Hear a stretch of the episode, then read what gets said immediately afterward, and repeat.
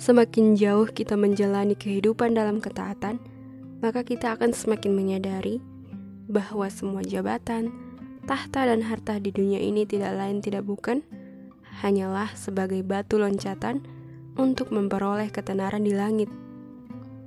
Iya, menjadi terkenal di langit dan direnungkan oleh surga harus menjadi cita-cita seorang muslim.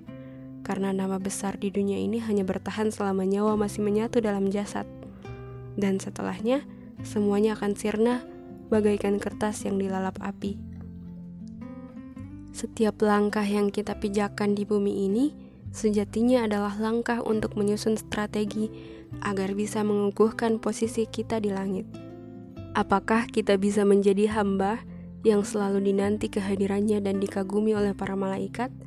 atau kita hanya menjadi hamba yang cahayanya redup dan tak ada bedanya dengan manusia lain di bumi. Sebagai seorang Muslim, kita harus mempunyai visi yang besar, karena agama ini membutuhkan para pemimpi dan para penggerak, para pemimpin dan para pemikir. Allah sudah menjanjikan bahwa agama ini akan berjaya kembali, maka sudah seharusnya kita mengambil peran di dalamnya dan memastikan kita ada dalam jajaran manusia yang ikut dalam perjuangan itu. Kita memang tidak tahu pasti kapan kejayaan Islam yang dijanjikan itu akan datang. Tapi pilihan kita hanyalah memulai sekarang juga agar menjadi bagian dalam proses kejayaan Islam atau hanya duduk diam dan menjadi penonton di kemudian hari. Apa pun kemampuan yang kita miliki, marilah kita berusaha menggunakannya untuk kebutuhan umat.